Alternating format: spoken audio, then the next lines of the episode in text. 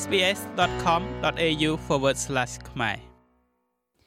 អូស្ត្រាលីគឺជាប្រទេសមួយដែលស្រឡាញ់សត្វដោយមានអត្រាសត្វចិញ្ចឹមខ្ពស់បំផុតក្នុងពិភពលោក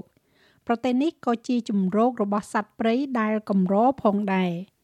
ការការពារសុខុមាលភាពរបស់សត្វមិនត្រឹមតែជារឿងដែលត្រឹមត្រូវដែលត្រូវតែធ្វើប៉ុណ្ណោះនោះទេប៉ុន្តែនៅក្នុងប្រទេសអូស្ត្រាលីវាគឺជាតម្រូវការតាមផ្លូវច្បាប់ ច្បាប់ដែលគ្រប់គ្រងសុខុមាលភាពសត្វរបស់អូស្ត្រាលីត្រូវបានគ្រប់គ្រងដោយរដ្ឋនិងដែនដី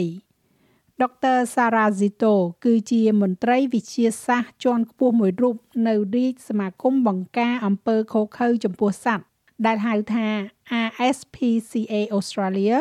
ពន្យល់ថាប្រទេសអូស្ត្រាលី មានច្បាប់សុខុមាលភាពសត្វជាច្រើនប្រភេទ រដ្ឋនិងដែនដីទាំងអស់មានច្បាប់សុខុមាលភាពសត្វផ្សេងផ្សេងគ្នាដែលគ្របដណ្ដប់សុខុមាលភាពនៅក្នុងដែនសមត្ថកិច្ចរបស់ពួកគេប៉ុន្តែច្បាប់ទាំងអស់រួមបញ្ចូលទាំងការហាមឃាត់ការបង្កគ្រោះថ្នាក់ដល់សត្វដូច្នេះទាំងការប៉ះពាល់ដល់ផ្លូវកាយនិងផ្លូវចិត្តគ្រោះថ្នាក់ផ្លូវចិត្តនឹងមានដូចជាការបង្កទុក្ខព្រួយនិងការភ័យខ្លាចប៉ុន្តែរដ្ឋជាច្រើនក៏មានច្បាប់ស្តីអំពីសុខុមាលភាពសត្វដែលមានន័យថា មនុស្សដែលទទួលខុសត្រូវលើសត្វណាមួយក៏មានកាតព្វកិច្ចថែទាំសត្វនោះផងដែរអ្នកទទួលខុសត្រូវលើសត្វរួមមានម្ចាស់សត្វស្របច្បាប់ឬអ្នកដែលមានសិទ្ធិមើលថែឬក៏ឃុំគ្រងសត្វនោះជាឧទាហរណ៍ដុកទ័រស៊ីតូនិយាយថាម្ចាស់កន្លែងបង្កាត់ពូជឬក៏ផ្ដល់ទីជម្រកមានកាតព្វកិច្ចថែទាំសត្វទាំងនោះ។ And duty of care means that the person កាតព្វកិច្ចនៃការមើលថែទាំមានន័យថាអ្នកដែលទទួលខុសត្រូវលើសត្វនោះត្រូវធានាថាសត្វនោះមានអាហារនិងទឹកសមស្របដើម្បីឲ្យវាមានលក្ខខណ្ឌរស់នៅសមរម្យរាល់គ្រោះថ្នាក់ណាមួយចំពោះសត្វត្រូវបានរារាំងឬកាត់បន្ថយដូច្នេះវារួមមានការផ្ដល់ការថែទាំការពារសមស្រប និងការពិនិត្យថែទាំពីពេទ្យសត្វឲ្យបានទាន់ពេលវេលានិងគ្រប់គ្រាន់នៅពេលដែលចាំបាច់ អ្នកក៏មានតម្រូវការក្នុងការធានាថាសត្វអាចបង្ហាញពីអាកប្បកិរិយាធម្មជាតិហើយពួកវាត្រូវបានចិញ្ចឹមតាមរបៀបដែលសមស្របទៅនឹងប្រភេទសត្វនិងមិនបង្កគ្រោះថ្នាក់ដល់ពួកវាកតបកិច្ចនៃការថែទាំក៏អនុវត្តផងដែរនៅពេលដែលទទួលមើលថែទាំសត្វរបស់នរណាម្នាក់នៅក្នុងផ្ទះឬក៏យានជំនិះរបស់អ្នក អ្នកនាង Laura Wayman Jones អ្នកនាំពាក្យរបស់ PETA Australia មានប្រសាសន៍ថាការខកខានមិនបានបំពេញកាតព្វកិច្ចទាំងនេះគឺជាបទល្មើសធ្ងន់ធ្ងរ in the companion animal sphere that could be នៅក្នុងវិស័យបង្កាត់ពូជសត្វដែលអាចជាអ្នកបង្កាត់ពូជសត្វដូចជាឆ្មានិងឆ្កែការខកខានមិនបានផ្ដល់អាហារទឹកឬការថែទាំវិជ្ជសាស្ត្រគ្រប់គ្រាន់ឡាក់ មានបញ្ហាស្រដៀងគ្នានេះត្រូវបានគេមើលឃើញនៅទូទាំងឧស្សាហកម្មនេះហើយនៅក្នុងឧស្សាហកម្មកំសាន្តដូចជាការប្រណាំងឆ្កែនិងការប្រណាំងសេះការធ្វេសប្រហែសគឺជាបញ្ហាធំផងដែរកសិដ្ឋានចិញ្ចឹមកូនឆ្កែគឺជាបញ្ហាប្រឈមដ៏ធំមួយចំពោះអង្គការសុខុមាលភាពសត្វ វាគឺជាអាជីវកម្មដែលមានការរឹតបន្តឹងខ្លាំងដែលសត្វឆ្កែត្រូវបានគេដាក់នៅក្នុងផ្ទះនិងបង្កាត់ពូជម្ដងហើយម្ដងទៀតដូច្នេះពួកវាអាចនឹងបង្កកំណើតកូនឆ្កែកសិដ្ឋានកូនឆ្មាក៏មានដែរសម្រាប់ម្ចាស់កសិដ្ឋានដើម្បីយកទៅលក់យកប្រាក់ចំណេញពួកវាក៏អាចលក់ជាលក្ខណៈឯកជនតែជារឿយៗត្រូវបានគេហៅថាទិញពីអ្នកបង្កាត់ពូជឬក៏លក់នៅក្នុងហាងសត្វចិញ្ចឹម មនុស្សជាច្រើនសន្មត់ថាកសិដ្ឋានកូនឆ្កែនិងកូនឆ្មាត្រូវបានហាមឃាត់នៅក្នុងប្រទេសអូស្ត្រាលីប៉ុន្តែអ្នកបង្កាត់ពូជអាចទទួលបាននៅអាជ្ញាប័ណ្ណនេះលក្ខខណ្ឌអាចមានភាពសាហាវខុសខើហើយសត្វដែលបង្កាត់ពូជសម្រាប់សោភ័ណភាពច្រើនតែទទួលរងនៅបញ្ហាសុខភាពចម្បងចម្បង។ រដ្ឋមួយចំនួនកំពុងតែឆ្ពោះទៅមុខក្នុងការរឹតបន្តឹងចំនួនសត្វដែលអាចបង្កាត់បាននៅក្នុងកន្លែងតែមួយដែលពិតជាអស្ចារ្យណាស់រដ្ឋ Victoria ប្រហែលជាកំពុងឈានមុខគេនៅពេលនេះនៅពេលដែលមានសត្វជាច្រើនត្រូវបានបង្កាត់សម្រាប់ប្រាក់ចំណេញនិងត្រូវបានគេយកចេញពីមេរបស់ពួកវាទាំងវានៅតូចការអនុវត្តការបង្កាត់ពូជអាចបង្កជាបញ្ហាដល់សត្វទាំងនោះ និងមនុស្សដែលជ្រើសរើសទិញសត្វទាំងនោះ។ ជាទូទៅវាជាការប្រសើរជាងនៅក្នុងការទទួលយកសត្វចិញ្ចឹមមកពីក្រុមសង្គ្រោះសូម្បីតែសត្វចិញ្ចឹមដែលមានសុខភាពល្អនៅក្នុងមណ្ឌលសង្គ្រោះក៏អាចត្រូវបានគេចាក់ថ្នាំសម្លាប់ដោយគ្មានការឈឺចាប់បានផងដែរប្រសិនបើពួកវាមិនមានអ្នកណាមកទទួលយកទៅចិញ្ចឹមអ្នកនាង Tara Ward ដែលជាមេធាវីស្ម័គ្រចិត្តនៃការិយាល័យអ្នកការពារសត្វបាននិយាយថាសត្វនៅក្នុងប្រទេសអូស្ត្រាលីមានឋានៈស្របច្បាប់ជាពិសេស the government retains some level of រដ្ឋាភិបាលរក្សាកម្រិតនៃការគ្រប់គ្រងលើសត្វរស់នៅតាមបែបធម្មជាតិពីព្រោះគ្មាននរណាម្នាក់ធ្វើជាម្ចាស់វាទេនោះហើយជាមូលហេតុដែលរដ្ឋាភិបាលគ្រប់គ្រងពីរបៀបដែលយើងអាចធ្វើអន្តរកម្មជាមួយសត្វព្រៃនិងសត្វធម្មជាតិ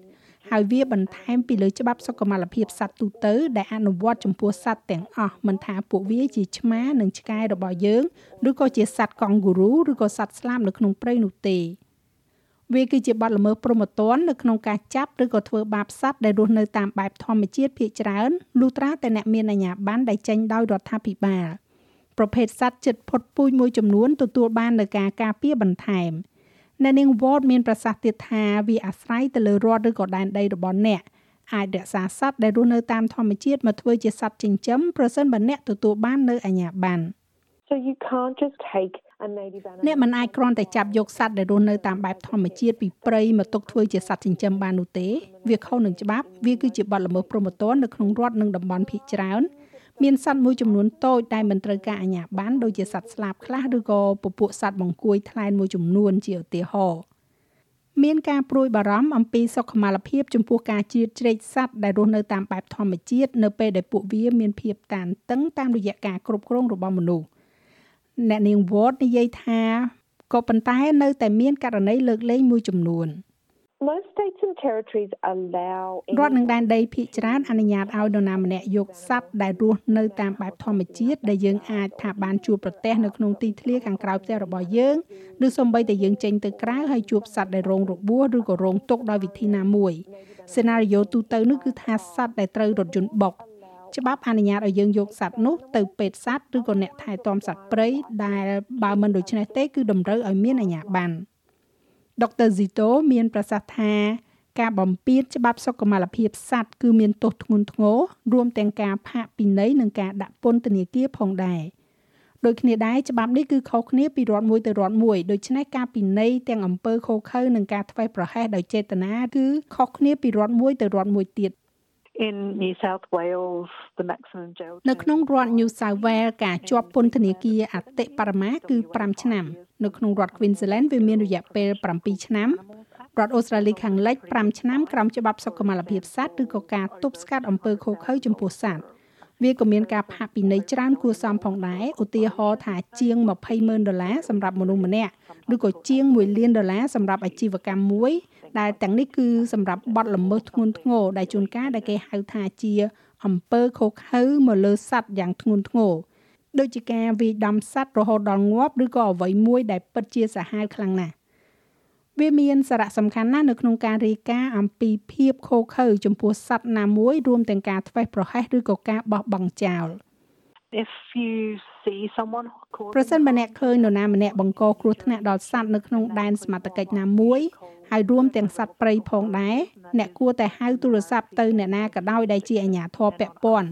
ហើយនោះគឺជាញឹកញាប់គឺ RSPCA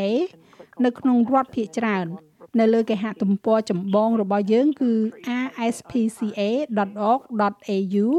ហើយអ្នកអាចចុចលើពាក្យ contact ហើយបន្ទាប់មកចុចទៅលើពាក្យ report cruelty ប៉ុន្តែរដ្ឋនឹងដែនដីនីមួយៗមាន RSPCA ផ្ទាល់ខ្លួនរបស់ពួកគេផងដែរនៅពេលដែលអ្នករាយការណ៍អំពីបទល្មើសព័ត៌មានលម្អិតរបស់អ្នកនឹងត្រូវបានរក្សាការសម្ងាត់អ្នកនាង Wayman Jones មានប្រសាសន៍ថាប្រសិនបើអ្នកឃើញសត្វ ស្ថិតនៅក្នុងគ្រោះថ្នាក់ដូចជាជាប់នៅក្នុងឡានដែលក្តៅអ្នកគួរតែតាក់ទងទៅប៉ូលីសសត្វរស់នៅតាមបែបធម្មជាតិដែលឈឺរបួសឬកំព្រាគួរតែត្រូវបានរាយការណ៍ទៅខាងអង្គការសង្គ្រោះសត្វព្រៃអូស្ត្រាលីដែលមានខ្សែទូរស័ព្ទទាន់ហេតុការណ៍24ម៉ោងលេខ1300 596 457ហើយ RSPCA ក៏បានរួមបញ្ចូលគ្នានៅច្បាប់សុខុមាលភាពសត្វនិងធនធានមកពីរដ្ឋនានានៅទូទាំងប្រទេសអូស្ត្រាលីផងដែរ អាចចូលមើលចំណេះដឹងជាមូលដ្ឋានរបស់ RSPCA បាននៅលើគេហទំព័រ kb.rspca.org.au ចាស់ហើយរបាយការណ៍នៃមគ្គុទេសតាំងទីលំនៅនេះចងក្រងឡើងដោយ Melissa Companoni និងប្រាយសម្រួលសម្រាប់ការផ្សាយរបស់ SBS ខ្មែរដោយនាងខ្ញុំហៃសុផារ៉ានីចូលចិត្តអ្វីដែលអ្នកស្ដាប់នេះទេ Subscribe SBS ខ្មែរនៅលើ Podcast Player ដែលលោកអ្នកចូលចិត្ត